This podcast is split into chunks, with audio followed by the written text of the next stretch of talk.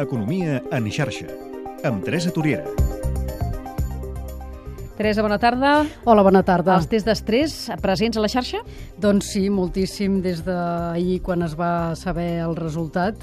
Eh, jo en concret he seleccionat un article del think tank europeu Bruegel on diuen que tot i que aquest examen dels bancs arriba 5 anys massa tard, servirà per convèncer els inversors que aquests bancs ja no tenen cadàvers a l'armari i que en qualsevol cas es tracta de la iniciativa més transformadora, diuen, que ha adoptat la Unió Europea arran de la crisi.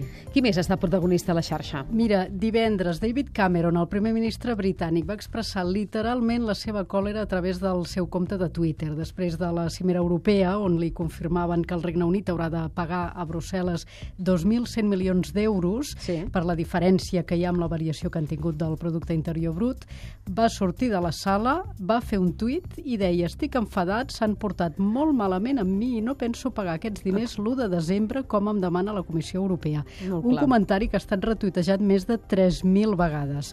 Molts dels comentaris n'han fet befa perquè sigui o no l'1 de desembre està clar que el Regne Unit haurà de pagar aquests diners perquè ja s'hi havia compromès. déu nhi què més tenim aquesta setmana? Mira, un avançament de l'Índex de Justícia Social Europeu 2014 que es publicarà al mes de desembre. La font és la Fundació Bertelsmann i ens parla de quatre països europeus capdavanters en justícia social, Suècia, Finlàndia, Dinamarca i Holanda, i Espanya, que està en el lloc número 21, molt per sota de la mitjana europea.